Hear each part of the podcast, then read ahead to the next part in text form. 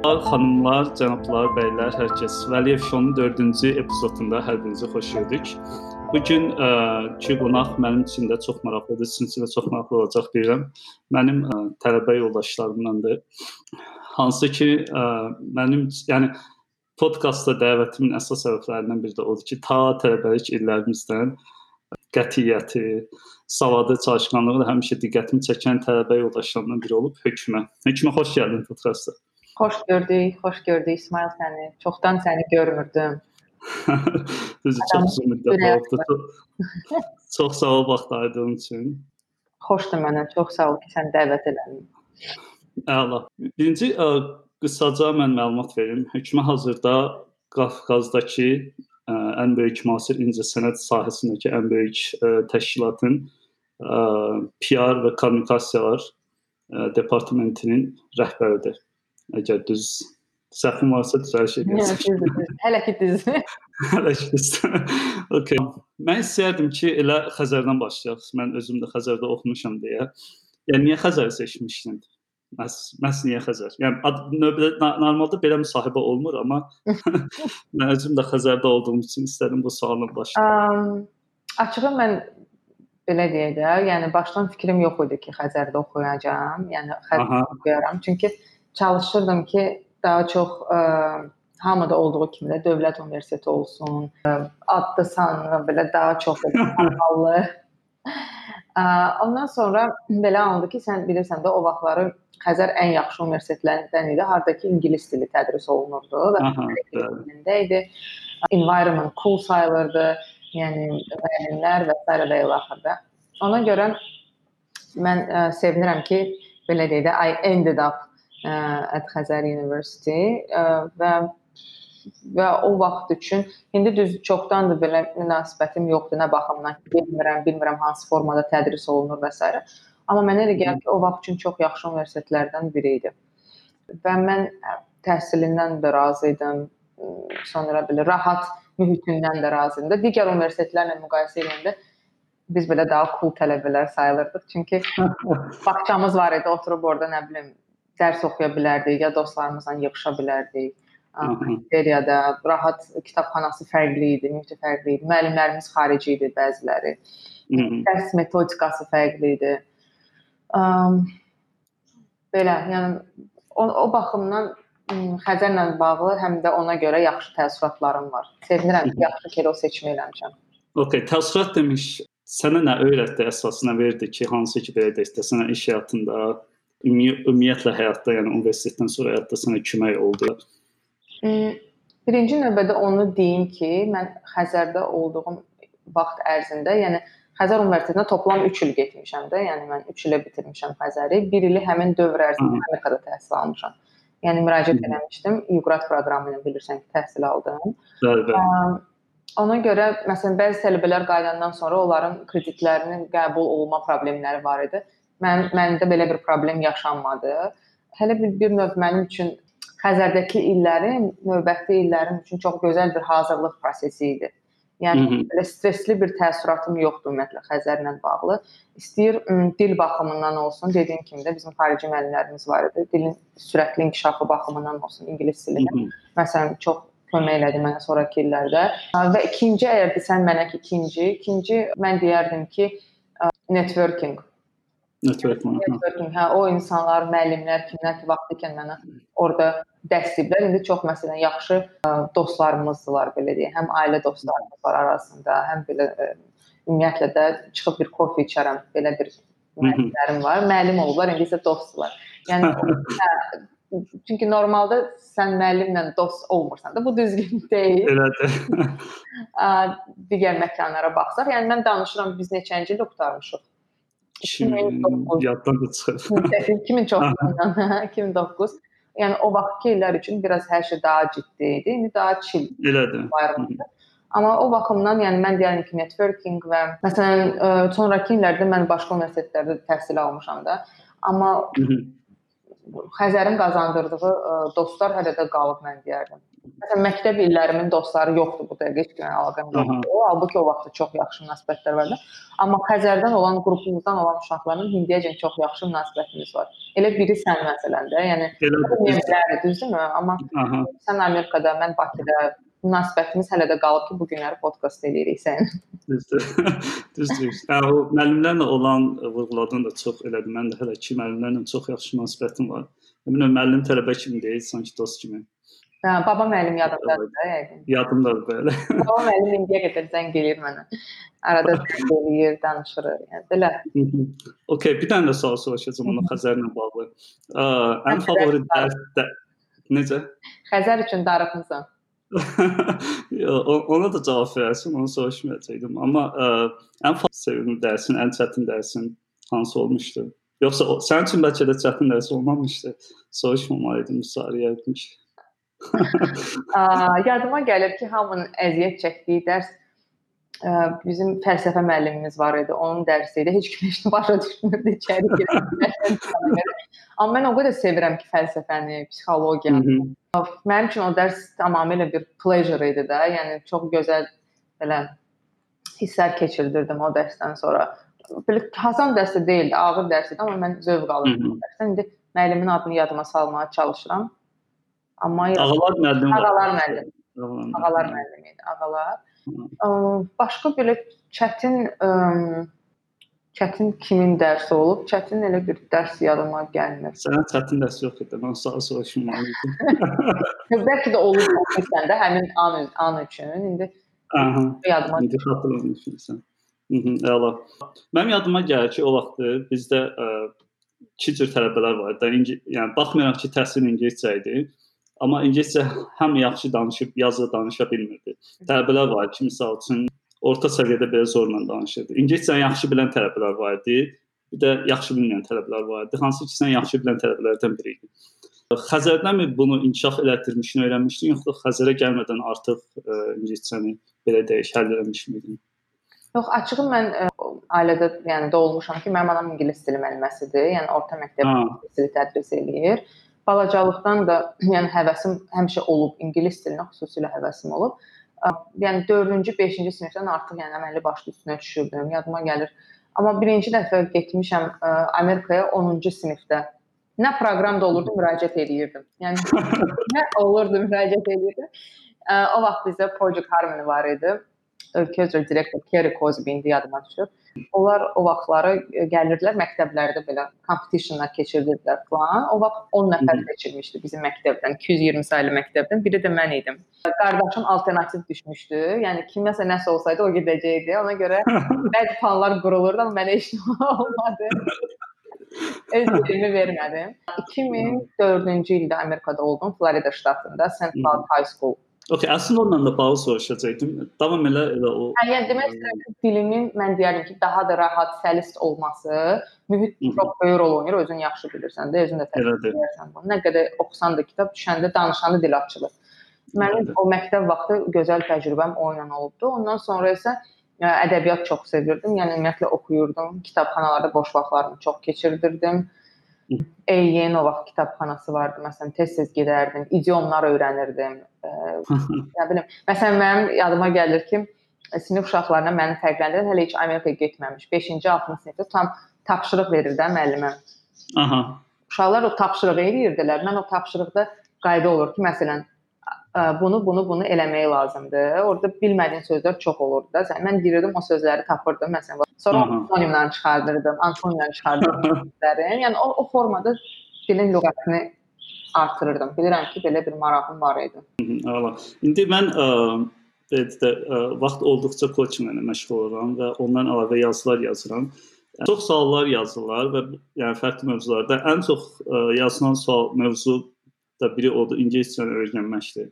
Sən əslində bir növ cavab verdin, yəni ki, ingiliscəni öyrənmək üçün nə etmək lazımdır? Evet. Yəni bir mühit dedin, bir də ki, o yəni, dedin ki, məsəl üçün antonimləri tapırdım, tapırdım, sinonimləri tapırdım. Yəni oturub işləmək. Başqa misal üçün belə deyək də, ingiliscəni öyrənmək istəyən, amma çətinlik çəkən insanlar var. Onlara nə tövsiyə edərdin? Nə bilim, mənə elə gəlir ki, ən vacib olan ə, hər şeydən də, hər şey məsələn kitabdırsa kitabdır, musiqidirsə musiqiyə qulaq asmaq lazımdır kino lazımdırsa kinoya baxmaq lazımdır. Yəni maksimum dərəcədə özü o dillə ünsiyyətə salmalısan. Kitab məsələn çox böyük kömək eləyir. Adi kitablar götürüb oxuyub bilmədiyin sözləri çıxardıb daha sonra onları öyrənmək və əlbəttə ki, ünsiyyət mütləq. Yəni söz bazasını yığa bilərsən, amma danışmasan onu tutura bilməyəcəksən ki, harda nə işlətməlisən. Əla. Hər kəs eşidin, ingiliscə öyrənməli düstur. Floridada oxumuşdun da, səhv olar. Orada gedəndə nə çətinliklər olmuş. Çünki bir var məsəl üçün mən özüm də xaricdə bir neçə yerdə fərqli e, ölkələrdə, şəhərlərdə təhsil almışam. Yəni universiteti bitirib gələndən sonra o yaşda gəlmək daha asandır, nəinki belə də orta məktəbdə getmək. Sənin üçün nə təəssüratlar olmuşdu, nə çətinliklər olmuşdu? Birinci təcrübəm idi, ümumiyyətlə ölkədən çıxmaq birinci təcrübə idi. Ona görə hər şey belə excitement idi də, hər şeydən həyəcanlı idi. Həyəcanlı idim, hər şey maraqlı gəlirdi və o vaxt bu exchange layihə idi. Biz ə, ailədə qalırdıq. Daha sonra isə həmin ailədə qalan uşaqlar gəlib bizim Bakıda evimizdə qalırdılar. Yəni bir aylıq belə bir exchange idi Floridada. Aha. Ona görə maraqlı idi Amerika ailəsini görmək, Amerika ailəsinin yaşam tərzini görmək, nə bilim ata ilə uşaq arasındakı münasibəti, valideynlər arasındakı münasibəti görmək çox maraqlı idi. E, yəni ümumi yaşam yəni necə olur? Sonra məsələn məktəb həyatı tamamilə fərqli idi də. Yəni 220 nəfər məktəbdən çıxıb gedib Amerikadakı bir məktəbə düşmək, yəni baxırdım hər şey kinolardakı kimi idi. Ona görə çox maraqlı gəlirdi mənə, həyəcan verirdi, amma mən deyərdim ki, çox düşüncə tərzimi də çox çox dəyişmişdi. Yadıma gəl gələndən sonra birinci dəfə avtobusda ə, e, dalaşmışdım. Niyə? 10-cu sinif idi. E, sürücü suyu içib e, suyun butulkasını pəncərədən çölə atırdı. O vaxt belə şeylər modda idi. Şeylər o vaxt verirdi, zibilə yerə atırdılar. Yadıma gəldi ki, yəni o məktəbli qız kimi, yəni Amerikadan gəlsəniz, insanların çoxsunun qəribə gəlirdi də. Amma mən dalaşırdım ki, niyə atırsınız? Bu düzgün deyil falan. Yəni bu dəqiqə dəyişirsən də, yəni düşüncə tərzin falan hər şeyin dəyişilir. Mhm. Bəs orada məktəbdə ə, əcnəbi olduğun üçün nəsə bullying və s. olurdu? Yox, mən deyərdim bullying olmurdu, amma maraqlı gəlirdi onlara, çünki çoxu daha çox şeylər bilirdik. Yəni mənə gəlir ki, məktəb yaşına getməyimizə baxmayaraq, məsələn otururduq coğrafiya dərsi, coğrafiyadan ə, falan ölkələrdən danışırdıq, hansı ölkənin mədəniyyətini müzakirə edirdik, tarixini danışırdıq. Onlar şoka düşürdülər yəni bundan. Bir məktəbli olaraq bu qədər şey bilmək. Burada onsuz da ki, elədir. Yəni Amerikadan kənar xəritədə heç bir yer tanımırlar. How is it possible? Yəni onlara maraqlı gəlirdi. Belə, yəni ki, belə başqa bullying yox, belə bir şey olmayıb. Çox yaxşı münasibətimiz vardı. İndiyə qədər də münasibətimiz qalıb. Yeri gəlmişkən, ə, e, deməli mənə bir bir il qabaq bir ə, e, mesaj gəlir, açıram mesajı, görürəm ki, mənim ə, e, ailəsində qaldığım qız sanki ki, sonradan bizə gəlib Bakıda da qalmışdı. Andreya. Aha. O mənə yazır ki, bəs I have a surprise for you. Sənin üçün bir sürprizim var. Deyirəm nədir? Deyir, bəs yoldaşımla mən Bakıdakı Amerika səfirliyinə təyin olmuşuq, diplomat. Wow. 10 ildən sonra, yəni onların ə, Bakıya gəlməyi, yəni çox böyük bir sürpriz idi. Yəni biz keçən il yeni ili birlikdə qeyd elədik. Hal-hazırda da Bakıda yaşayırlar bir övladlar. Yəni məsələn şeydir də bu. Yəni mənim anam onu elə qucaqlayırdı. Yəni elə bil ki 10 ildən sonra bir övladını da yenidən görüb. Yəni Aha. çox maraqlı. Doğrudan əla çox maraqlı. O proqram hər halda test və s. yəni gedərkən nə nə kimi belə deyək də testlərdən keçmişsiniz? Ha, açan məktəb vaxtı. Ə, aha. Ya bu proqramı qəbul dedin ki, seç 10 nəfər seçilmişdi demiş səfərimdən. Sonradan biri idi. Bəli, bəli. Məktəb vaxtı bizdə biraz ə, fərqli idi. Mənim indi yadıma gəldiyi qədəri biz yazı yazırdıq, inşa falan yazmışdıq. Ə, application doldurmuşduq. Ondan sonra intervyumuz olmuşdu. Intervyuda tete-tet intervyular olurdu layihənin direktoru ilə və o danışığa baxırdı. Ondan sonra isə seçirdilər. Bax belə bir şey. Əla. Növbəti sualım sahə ilə bağlı olacaq. Daha doğrusu indiki Xəzərdə. Yəni siya, siya, ə, e, siyasi elmlər seçmişdin ya beynəlxalq əlaqələr hansı? Yəni siyasətlə bağlı idi səfərinizə. Beynəlxalq münasibətlər, çünki həmişə diplomat olmaq istəmişəm. Elə deyirlər ki, də... danışıq qabiliyyətin var, səndən yaxşı diplomat olar. mən də elə ora gəlirdim ki, bəs ə, e, yəni nə oldu, niyə dəyişdin? Sən xatırlayırsan, səhv xatırlamıramsa, əgər səfirlikdə də işləyirdin, daha biz universitetdə olarkən İqtisadi evet. Əlaqələr Departamentinin şöbəsinin rəhbəri nəsə bu vəzifədə idi səfərimizdə. Bəli, bəli. Əslində yox, yəni ə, universitet vaxtı yadındadırsa bəlkə internshiplər olurdu. Bizi göndərdilər Xarici İşlər Nazirliyinə. Aha. Orada bir ara internship keçdik. Ondan sonra ə, ondan sonra yadımdadır ki, bir təşkilatda işlədim mən e, təhsil layihələri üzrə. Daha sonra İsrail səfirliyində işə düzəldim. İsrail səfirliyində bir ə, 4 il belə çalışdım. Ora isə birbaşa olaraq Head of deməli iqtisadiyyat və ticarət əlaqələri departamentinin rəhbəri olaraq getmişdim. Hı -hı. O zaman öz istəyirəm sözü kəsəm. Sən hələ universitetdə idin də, düzdür? Universiteti bitirdim. Artıq bitirdim. Yox, yəni səfirlikdə işlədiyin vaxtda. Yəni tələbə ola-ola işləyirdin yoxsa? Yox, yox, yox, universiteti bitirdim. Elə bitirəndən sonra təşkilatda işləyirdim. Ha, okay. təşkilatdaydım. Sonra orada bitirən vaxtı mən universitetə düzəldim. E, to есть İsrail səfirliyinə. Səfirliyinə. Bəs indi tamam fərqli sahədəsin. Sonra Junior Achievement yəni təşkil Sonra Junior, junior Achievement-də birinci mən proqram assistenti kimi getmişdim vaxt öncə, Xəzəri bitirər bitirməz. Sonra ə, proqram meneceri oldum orada. Ondan sonra getdim İsrail səfirliyinə çalışdım. 4 il. Sonra elə eyni Junior Achievement-dən mənə icraçı direktor vəzifəsi təklifi gəldi. Mən də dedim ki, niyə də yox? Yəni hansısa bir vaxt mən orada proqram assistenti işləmişəm də, niyə də yox? Aha. Ona görə I took the challenge necə deyirlər və İsrail səfirliyində fikirləşdim ki, kifayət edir artıq 4-5 ilə yaxın çalışdım. İki səfirlə çox gözəl təcrübələrim oldu. Super. Yəni çox böyük bir iş təcrübəsi əldə elədim. Ondan sonra getdim icraçı direktor Junior Achievement Azərbaycan təşkilatına. Biraz orada çalışdıq. Daha sonra isə daha sonra isə deməli məni headhunt elədilər lüks biznes sahəsinə. Elə icraçı direktor işlədiyim vaxtlarda arada bir MBA Hı proqramı açıldı. Birinci ilin MBA proqramı idi. Artıq mən Hı elə bir yəni işi görürdüm ki, mənə mütləq lazım idi finansı öyrənmək, büdcəmə nəzarət eləmək. Düzdür, yəni bu işçilərim var idi, amma işçilərə nəzarət eləmək üçün sən bilin daha çox olmalıdır o sahədə. Hı -hı. Ona görə mənim bir rəfiqəm mənə dedi ki, hökmə sabah deadline-dır. Bizdə bilirsən həmişə mütləq ver, gedək Turan, Turana Turanı öpürəm. Həmişə Turana deyirəm ki, çox sağ ol da bu motivasiyana görə. Hərdən iş o qədər çox olur ki, biz addım atmağa, yəni vaxt tapmırıq hətta da düşünə bilmirik. Və adı verdim. Adanın birinci ilinin International MBA proqramının ə, məzunu oldum və adıda oxuyan dövrlərdə elə belə bir də uyğun bir sahədə, lüks biznes sahəsindən bir təklifim gəldi. O challenge-ı da accept elədim. Daha sonra bir müddət işləyəndən sonra başa düşdüm ki, bu sahədə mən özümü görmürəm. Ona görə bir ildən sonra sağollaşdım həmin şirkətlə və yenə bir müddət çalışdım. Portuqaliyanın Bakıda nümayəndəliyi açılırdı.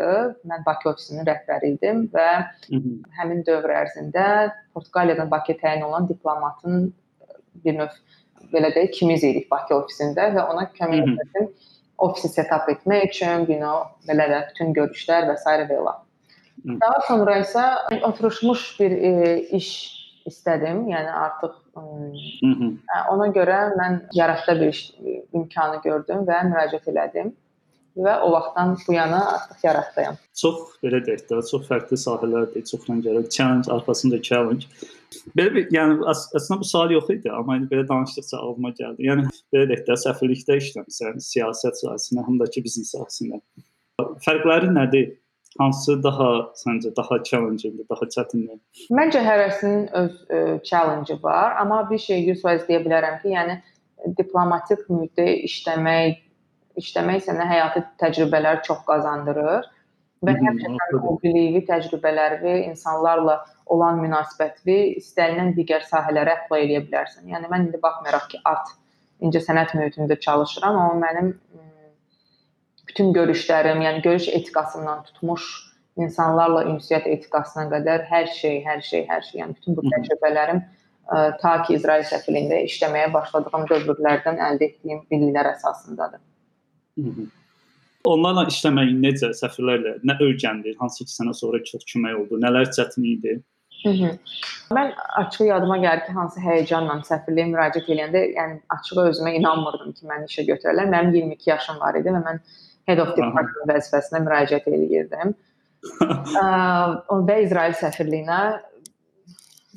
Amma yadıma gəlir ki, mən gəldim səfirlə birinci görüşdüm. Səfirlə görüşə gələndə biraz ünsiyyət qurandan sonra durdu ayağa çıxdı köməkçisini çağırdı. Dedim indi deyəcək ki, bunu aparın da. Yəni yəqin ona görə çağırdı köməkçisini. Amma dedi ona ki, İradə bəs ə, gün təyin eləyin, sabah bir gün gəlsin, security imtahanlarından keçsin. Mən başa hmm. düşdüm ki, o məni yəni artıq işə qəbul etmişdi. Sadəcə qalmışdı security imtahanları, görüşləri və əlim ayağıma dolaşmışdı. Mən bilmirəm bax balaca bir koridor idi. Yəni o koridora axıra kimi necə getdim sevincimdən bir fəxr olmuşdum və və ilk ə, e, görüşdüyüm insan da şəxsiyyət ə, e, diplomat Mikhail Lotomi idi. İsrailin Bakıdakı səfiri və mən elə onunla da başladım. O Bakıya yenicə təyin olunmuşdu və elə birinci təcrübəm də işə onunla başladı. İsrail səfirliyində. Demək olar ki, Azərbaycanın bütün regionlarını qarış-qarış gəzmişik biz onunla. Yəni istixanalara girməkdən tutmuş, nə bilim, badamlı zavodu, Naxçıvandan tutmuş Zaqatala, Şəmkir, Abşeron, yəni hər tərəfi biz gəzirdik. Mən iqtisadi departament cavabdehidimdir. Mənim üçün niyə görə böyük bir təcrübə idi? Çünki bu təkcə ə, oturub oxumaq deyildi də, yəni internetdən araşdırıb bir şey deyildi. Bütün günü biz sahələrdə idik, öyrənirdik. Dövlət rəhbərləri ilə birbaşa görüşürdük, bütün nazirlər, strukturlar, yəni bu mənim üçün çox böyük bir əlaqə idi və oradan qurduğum əlaqələr indiyə kimi, yəni qalıb indiyə kimi köməyimə gəlir və çox böyük bir cavan bir qız üçün belə baxanda çox böyük bir təcrübə idi. Və diplomatın özü, yəni Mixail özü çox sadə insan idi. Yəni bilmədiyim şeyi öyrədərdi, stressə salmazdı məni. Mən ondan adi görüşlərə gedirdim. Hər dəfə mən ümumiyyətlə müşahidə etməyi çox sevirəm. Yəni adi necə görüşdü, necə oturdu, əllərini necə qoydu, nə bilim, hansı formada göz ünsiyyəti yaratdı, çıxanda necə durdu stol arxasına. Yəni bunların hamısını kitabdan oxumadım mən. Yəni bunların hamısı mənim üçün birbaşa olaraq həyat təcrübəsi oldu. Ona görə həm özümü bəxtəvər sayıram bu baxımdan. Çətin əlbəttə ki, hər işin çətinliyi var. Yəni sən o yəni, bir də ki o yaşda. Hə, yəni o işə cavab deyilsənsə bütün gün oxuyurdum, araşdırırdım. Ə,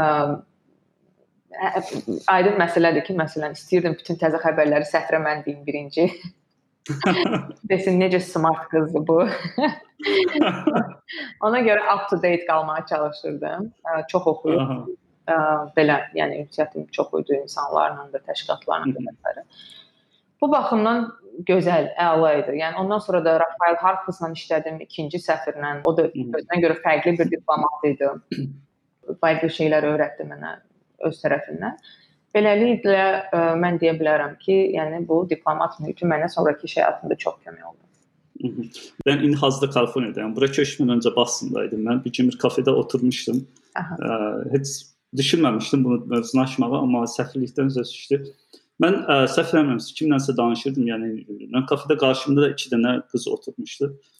Mən danışandan sonra qızın biri məndən soruşdu, sən haralsan? İngiliscə soruşdu. Mən dedim ki, bəs Azərbaycan.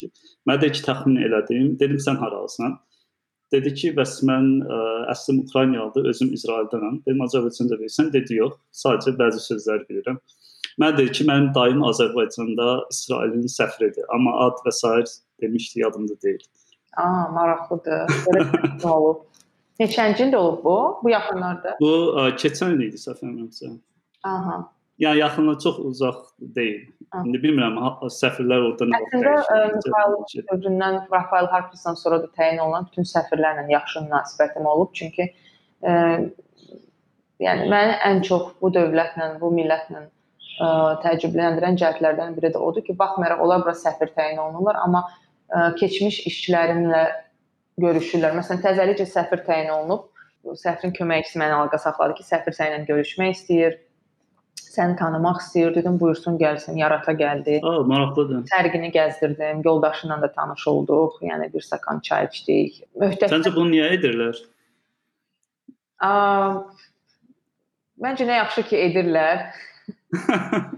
yəni gözəl bir şeydir. Yəni gör necə, yəni bu tərəf ki, mən neçə il orada işləmişəm, amma hər dəfə hər səfir gələndə bu cür isti bir münasibət. Elə bil ki, Yəni sən mənim dövlətimə xidmət etmisən. Yəni sən Hı -hı. bizim üçün çalışmısan, bizim üçün illərini sərf etmisən, əməyini, zəhmətini, biliyini sərf etmisən. onu itirmirlər və onu appreciate eləyirlər, bir-birinə bunu ötürürlər və hər gələn səfir də görüşəndə sənə bu appreciation da, yəni bu ə, təqdir edir. Yəni bu təqdirini hiss elətdirir və sən deyirsən ki, necə də gözəl. Yəni millətə qarşı rəğbətin avtomatik olaraq yüksək olur. Ə, insanlara qarşı yəni bu gözəl bir təbliğatdır da, həm də deyilmi?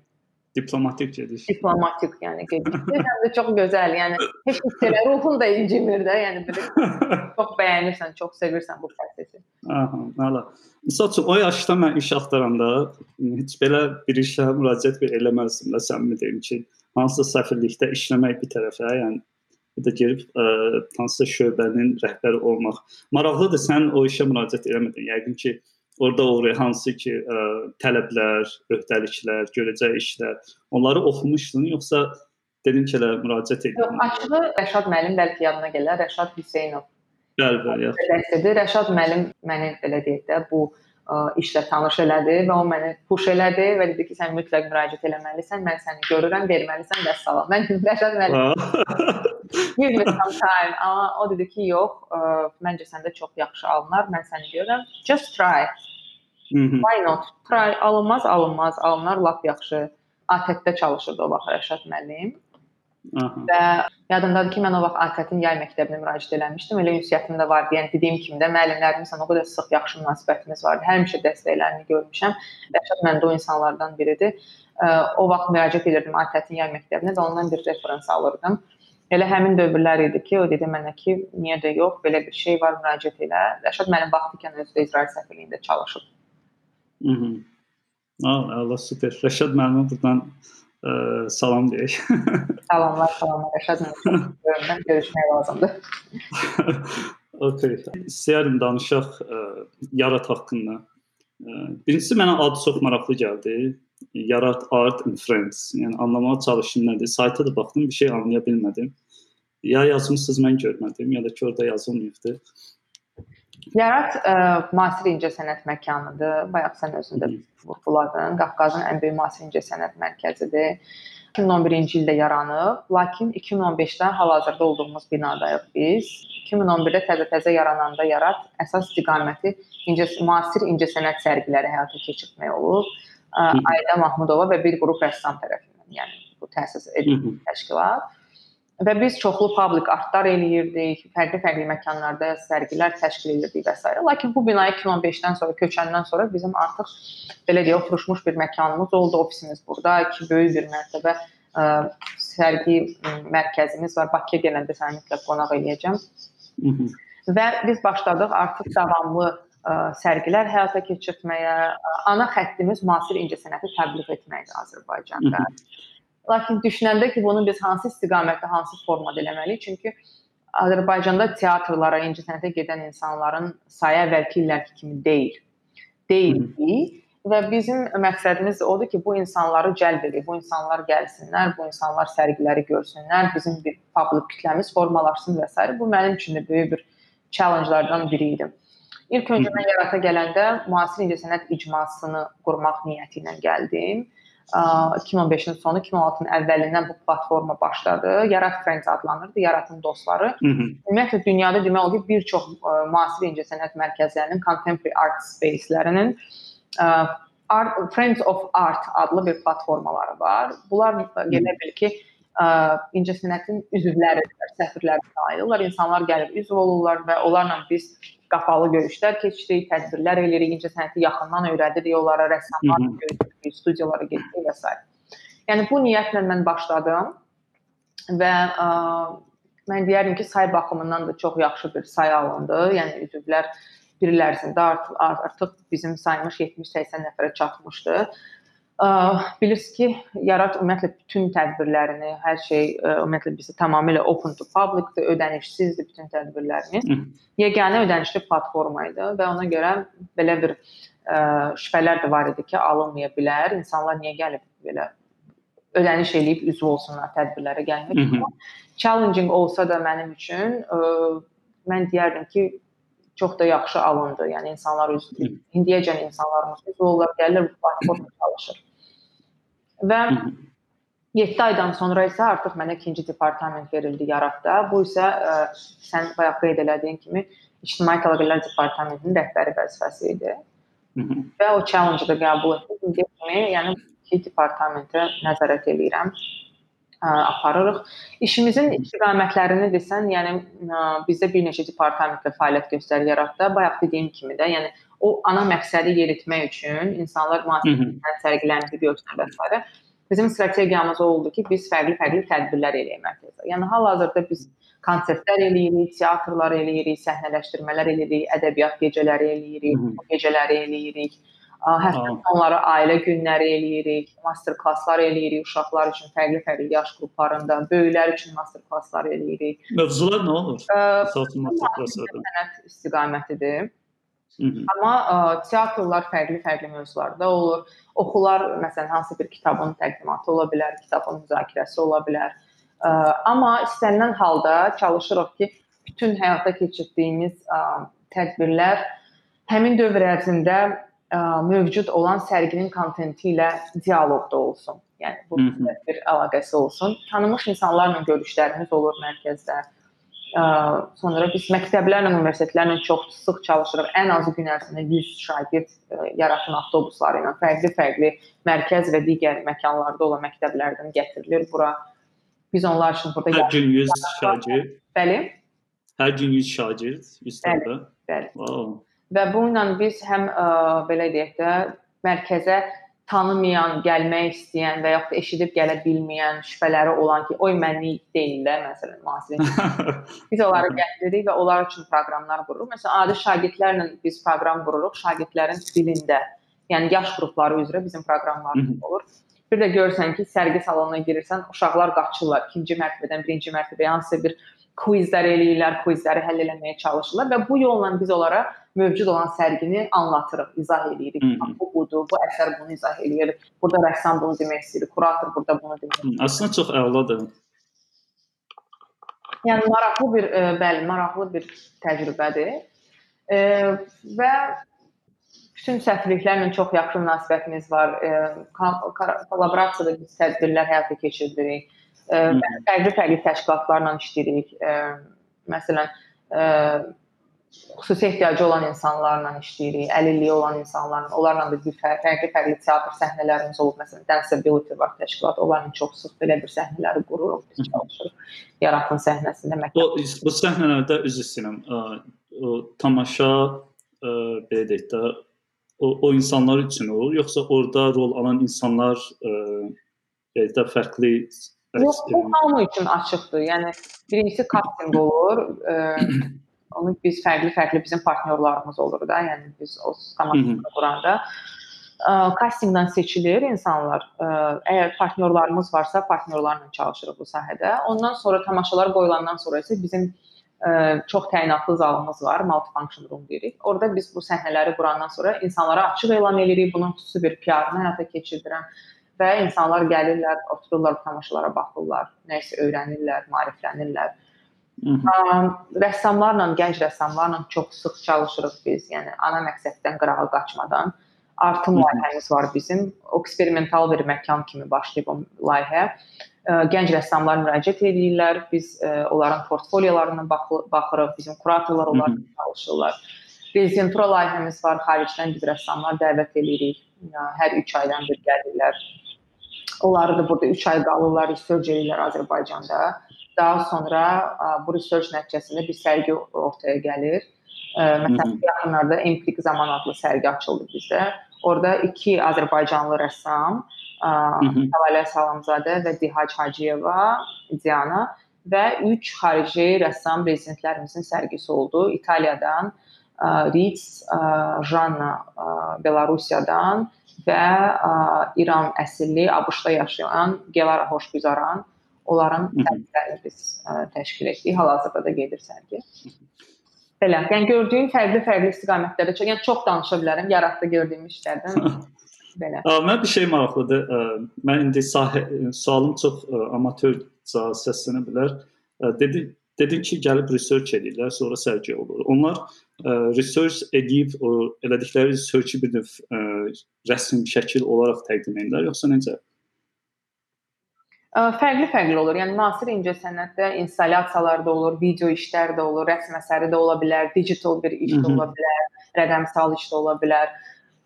Hal-hazırki sərgidə həm video işləri var, həm installyasiyalar var. Yəni müasir incəsənətlərə uyğun formada sərgilər təşkil olunur. Başa düşdüm. Əla. İndi bir növbəti sual suallarım belə olacaqdı. Qısa sual, qısa cavablar olacaqdı. İndi iş həyat iş burdakı hər şey iş həyatında olan insan özün həm təşkilata rəhbərlik edirsən, həm başqa bir ə, ə, belə deyək də departamentdən məsulsan. Və bu da o deməkdir ki, gündə hər gün eləməli olduğun işlər sayısı hesabsız çoxdur. Mən bu sahədə çox araşdırıram, çox ə, belə deyək ki, oxuyuram. Alidə, alidəsi olduğum sahədir. Məsəl üçün stress, ə, ən məşhur stress atma metodunun, ən çox istifadə edilən stress atma metodunun və ya azaltma metodu nədir? Mən ə, məsələn təbiətdə olmağı çox sevirəm, amma çox təəssüf ki, buna o qədər də lüksum olmur. Yəni təbiətdə olmaq üçün məsələn tək qalmağı da xoşlayıram təbiətdə, amma bu lüksum da yoxdur. Demək olar ki, bu cür bilmirəm. Həftə içi ə, uşaqlar üçün darıxıram, yəni övladlarım üçün darıxıram. Çox vaxt sərf eləmirəm. Ona görə fikirləşirəm, məndə bir bir excitement olur ki, həftə sonu gəlsin, onlarla çoxlu vaxt keçirəcəm və həftə sonu budur. Həftə sonu gəlir. yəni onlarla yarım gün keçirən kimi yəni özümü çox istəyirəm. Çünki mən ə, yəni onlardan o enerjini alıram, sevinci alıram. Onlarla vaxt keçirmək böyük zövq verir mənə, amma mən yorğunluğumu çıxarda bilmirəm. Ona görə əslində mən özüm araşdırma eləyirəm ki, necə yaxşı istirahət etmək olar əslində. Növbəti sual çox maraqlı idi. O idi ki, ə, istirahət əyləncə necə edirsən? Yəni ki, yəni, iş dünyasının hər kəsə lazımdır. Elədiyim bir şey, işdən sonra məsələn dostlarımla, ə, rəfiqələrimlə hardasa oturub ə, çay içib söhbət eləmək ola bilər. 1 saat, 2 saat, yəni yəni həm işdən qopuram, həm evdən qopuram və sadəcə gözəl bir ünsiyyət, yəni yorğunluğumu ala bilir. Yəni onu çox sevirəm.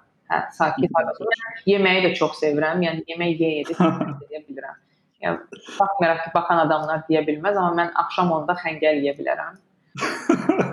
Və o ideya ki, mən axşam 10-da xəngələ gedəcəm, tutan dostumla, insanla, ə, o məni gün ərzində mənə gö gözəl bir motivasiya verər. Çox orijinal bir metoddur. Ya doğrudan belədir. Yəni doğrudan ə, çox yaxşı istirahət edirəm. Yaxşı yeyəndə özümü yaxşı hiss edirəm. Super, əla. bir neçə dəfə vuruladım challenge-lər. Yəni challenge-ləri sevən birisən, qaçmayan birisən. Bəs öyrənmə məsəl üçün dedin ki, adadakı proqram. Əslində mən sual soruşacağdım, aslında cavab verdin ki, yəni deyəcəm ki, MBA oxumusan, nəcəb, siyasət, MBA, amma baş artıq cavab verdin ki, işə görə. Hazırda məsəl üçün öyrənmə, inkişaf baxımından ə, elədiyin nəsə var? Məsəl üçün hansı kurs alırsan onlayn və kitab oxuyursan və ya özün nəsə araşdırırsan? Açıq işimlə bağlı olaraq biz kreativ sahədəyik. Bizdə dayanmadan kreativlik olmalıdır. İstər yaratım gördüyünüz bütün postları, məsələn, mənim burada çox gözəl bir kreativ komandam var. İstər SMM, social media nəzarət edən insan olsun, istər iki dizaynerim var, iki fotoqrafımız var, burada iki videoqrafım var, ə, nə bilim, content manager, editor, ə, komanda böyükdür. Ona görə daimi olaraq yaratdığım çıxan bütün işlər, adi posterlarımız bizim hansı formada bir kreativlik daşımalıdır özündə.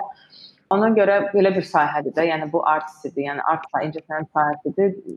Burada fərqli-fərqli düşüncədə insanlar görürsən, ünsiyyətdə olursan, istər-istəməz hərədən nəsə öyrənirsən. Amma Hı -hı. öz sahəmlə bağlı da oxuyuram, kursariyada məsələn olur bəzən ə, uyğun kurslar görəndə götürürəm. Bundan başqa açıq desəm belə bir zaman lüksum hələ ki yoxdur mənim. Yəni istəyərdim ki, bəlkə bir additional bir təhsil də ə, götürüm, davam elətdirim. Amma hələ var. yəni bəlkə də insanın eləmədiyi heç bir şey yoxdur. Bunu mən bilirəm 100%. Ə, bilirəm ki, bu dəqiqə o challenge götürsəm onu da eləyəcəm. Sadəcə olaraq biraz da tənbəllənirəm. Yəqin ki, çünki mən oxuyub işləmişəm. Adətən mən təhsil alanda axşam saat 7-də dərsimiz başlayırdı, gecə 12-də işləmiş qutarırdı. Mən evə gəlirdim, evdə uşaq da var idi, sabahsı işə getmək də var idi. Yəni bu challenge, bu ağır ağır bir il yarım olub, amma yəni istəyəndə eləyirsən. Lazımdır. Ha, super. Hı -hı. Bu hər bir insanda olur. Bəzən olur ki, baxmayaraq ki, nə qədər motivasiya olursan, məsəl ümidsizlik yaşayır, həvəssizlik, motivasiya. Səndə olanda necə onu üzərindən atırsan? Necə çıxırsan ümidsizlikdən, həvəssizlikdən? Yoxsa olmur səndə? Yo, yo, olur, niyə olmur? o vaxt biz müəllimlərimizə bax elə baxırdıq ki, elə bilirdik onlar yemək yemirlər, su içmirlər. İndi sənin sualın da məndə də olur. olur, motivasiya düşkünlüyü olur və Açığı mən belə deyək də, yəni məndə motivasiya düşkünlüyü olsa da mən özüm özümə motivasiya verməyə bacaran insanam. Məsələn, bəzən elə çıxışlar olub ki, bəzən elə bir layihələr olub ki, içimdə xof da olub. Yəni mən bunu götürsəm bacararam yoxsa yox. Amma mən həmişə özüm üçün ə, bir dənə belə cığır qoyuram. Həmişə bir dənə qapı həmişə orada olur mənim üçün ki, mən həmişə fikirləşirəm ki, istənilən gələn bir challenge-ı mən aksept eləməliyəm. Yəni bu uğursuz da ola bilər, amma mən mütləq o challenge-ı gör. Yəni elə bir challenge yoxdur mənim yadıma gəlmir ki, elə bir challenge olsun ki, mən onu götürməyim həyatda. Fikirləşirəm ki, gəlibsə mənə verilmək üçün gəlib də mən ondan nəsə öyrənəcəm mütləq. Məsələn, adi o lüks sahədə işləməyim olsun. Baxmayaraq ki, tamamilə fərqli dünyanın insanıyam. Yəni mənim dəyərlərim tamam başqa cürədir. Amma mən o məsələn o challenge-ı götürdüm mən deyərdim ki, insan olaraq da böyüdüm, fərqli mühiti gördüm, fərqli tip insanları gördüm. Başa düşdüm ki, bu cür insanlar da var, bu cür dəyərləri olan insanlar da var və bu normaldır hökmə. Sənin dəyərlərində olan insanlar olmalıdır da. Və bu mənə həyatı da çox şey öyrətdi. Yəni istənilən bir çalı çox şey öyrədir. Motivasiya düşəndə mən özümə motivasiya verməyi bacarıram. Ətrafımda da belə çox yaxşı dostlarım var, kim ki mənə. Məsəl üçün necə motivasiya verirsən özünə? Hmm. Yəni məsəl üçün misal olaraq verə biləcəyin bir şey var? Nə bilim, çox adi bir misal götürsəm, özümlə ünsiyyətdə ola bilirəm, hansısa bir vaxt özümlə ola bilərəm və bu da keçər. Məsələn, hansısa bir çətinlik olsa, bu da keçər əgər hər hansı bir çətinliyim olub vaxtı o challenge-ı həll etmişəmsə, bu gün burdayamsa özümə deyirəm ki, sən ondan çıxmısansa, bundan da çıxacaqsan. Yəni Yəni ölüm, ölümə çarə yox idi, ölümə də çarə var da. Yəni. Buna görə istənilən halda, yəni nə gəlirsə onu çox pozitiv qəbul etməyə çalışıram. İstəyir çətinlik olsun, istəyir insanlar tərəfindən xəyal qırıqlığı olsun, nə bilim, belə də yəni xəstəlik olsun, istənilən bir şey gələndə mən çalışıram onun öhdə, yəni bunun üstündən gəlim, yəni bunun ə, depressiyasına düşməyim, belə deyək də. Yəni sadəcə həll həllinə fokuslanırsan. Hə, pozitiv adi bir misal gətirə bilərəm. Bir çox insanlara da bu kömək edə bilər. Məsələn, pozitiv notda ə, motivasiya verici çoxlu ə, videolara qulaq asa bilirəm. Ə, Hı -hı. Bu da mənə çox kömək eləyir. Yəni mind adamı olan insanlar, yəni mənim üçün bunlar göstərici olur. Yəni bundan tutulmağı bacarma, bacarmalısan da. Yəni belə bir şey yoxdur ki, yıxıldım, sürünəcəm. E, pis ola bilərəm, ağlaya da bilərəm. Yəni ağlamağın məsələn özünün çox güclü cəhətini hesab eləyirəm yeri gəlmişkən. Hı -hı. Ağlaya bilməyəndə pis olur. Çox yaxşı bir şeydir, yəni ağlamaq. Allah çox maraqlıdır. Məhsuldarlıq. Məsəl üçün bu qədər belə deyək də layihələr və s. axır prioritet təyin etmək. Məsəl üçün bəzən olur ki, qarşıda 3 iş olur. Çətinlik çəksən mən hansından başlayım? Məhsuldarlıqla bağlı, daha məhsuldar olmaqla bağlı bəlli bir ə, belə deyək də qərar vermə prosesinin və ya bir formulanın, bir metodun yanaşma varmı yoxsa necə Yəni daha məhsuldar olmaq üçün necə edirsən? Enerji layihə hədsiz çox olur da. Yəni iş yük hədsiz çoxdur. Yaratın layihələri ayrı-ayrı. Sonra bizim ayrıca layihələrimiz o festivallar bizə keçiririk. Yəni, teatr festivalı gəlir. Onun böyük bir iş yükü olur. Artıq 6 ay böyük bir iş yükü olur onun. Əlavə olaraq yanındakı işin üzərinə. Məsələn, yayda yoga festivalımız olur. Onun ayrıca bir PR planını işləyirsən, hazırlayırsan, həyata keçirirsən. Sonra bizim məsələn keçən insan layihəmiz oldu. İnsan özünü dərk et adlanırdı. Psixoloji təlimlər və seminarlar yeri gəlmişkən biz Amerikadan da bir çox scholar dəvət elədik, kitab yazarlar. Çox maraqlı adı var. Hə, insan özünü dərk et adlanırdı və ə, bu biz kütlə ilə işləyirdik. Bu ayrıca bir layihə idi. Məsələn, onun da həm idarə etməsi, həm də PR-ı mənim üzərimdə idi aydın məsələdir ki, yeni bir challenge gələndə istənilən halda istədin istəmədin sənin əsas fokusun o istiqamətdə olur ki, yəni bu yeni bir challenge-dir, yeni bir şeydir. Bunu uğurlu olmalıdır da, yəni bu. Ona görə böyük bir diqqət o istiqamətdə gedir, amma istənilən halda planlama, planlama və mütləq bir notebook əlin altında mütləq olmalıdır. Mən yazmasam mənim yadımda işlə qalmır. Yəni bunu 100% deyə bilərəm. Mütləq şəkildə qeydlər aparmalıyam. və planlama eləməliyəm. Ə, hansı layihələrdir hal-hazırda urgent olan məsələlər, təcili olan məsələlər, ikinci dərəcə təcili olan məsələlər və daha, daha sonra gələn məsələlər. Həftənin günlərinə uyğun olaraq o istiqamətdə aparıram və iş yükünün uğurlu həyata keçməsində həm də mütləq bir komanda işi var da. Yəni mən deyə bilmərəm ki, tək olaraq bunu edirəm. Bu komanda işi hansı ki mənim komandamdır, yəni yaratdı olan komandamdır, PR marketinq üzrə, yəni o uşaqlar da məsuliyyətlərini dərk eləyəndə, yəni vaxtında işləri deliver eləyəndə, vaxtında verəndə əslində çox da çətin olmur. Allah super. Çox maraqlı oldu. Çox sağ ol. mən çox motivasiya oldum. Baxmayaraq ki, burada gecə 11-də artıq yatmaq istəmirəm. Sən gəl istəyirəm. mən xoş oldum. Çox gözəl belə. Çoxdandır mən bu qədər nostalji olmurdum. Yəni bax bu Hə? köhnə illərə qaytardım məni. Məktəbə də qayıtdım, Xəzərə də qayıtdım. Çoxdan yəni o illərdə olmurdum. Yəni belə bir vaxt lüksum da yox idi ki, o illərə qayıdım açığım. Yəni çox çox maraqlı bir ünsiyyət oldu səninlə. Çox xoş oldu mənə də. Üçün həmçinin çox maraqlı, çox öyrədici oldu. Mən əminəm ki, dinləyicilər üçün də ə, o cür olacaqdır. Təkrar çox sağ ol. Sən Təşəkkür edirəm. Çox minnətdaram sən vaxtını, zamanını ayırdın. Amerikada axşam saatları bu, yəni belə bir gözəl, uğurlu, məhsuldar, xeyirli bir iş görməklə məşğul olursan. Mənə elə gəlir bu təqdirə layiqdir. Yəni insanlar onu mütləq qiymətləndirirlər, əminəm və qiymətləndirməlidirlər. Çox sağ ol. Hamının təcrübəsini hansısa formada bir e, mesaj kimi daşıyırsan, ismarı kimi, kiməsə motivasiya olursan. Podkastın əsas məqsədi də odur. Çox sağ ol sən də. Təşəkkürlər. Çox sağ ol, çox sağ ol sən.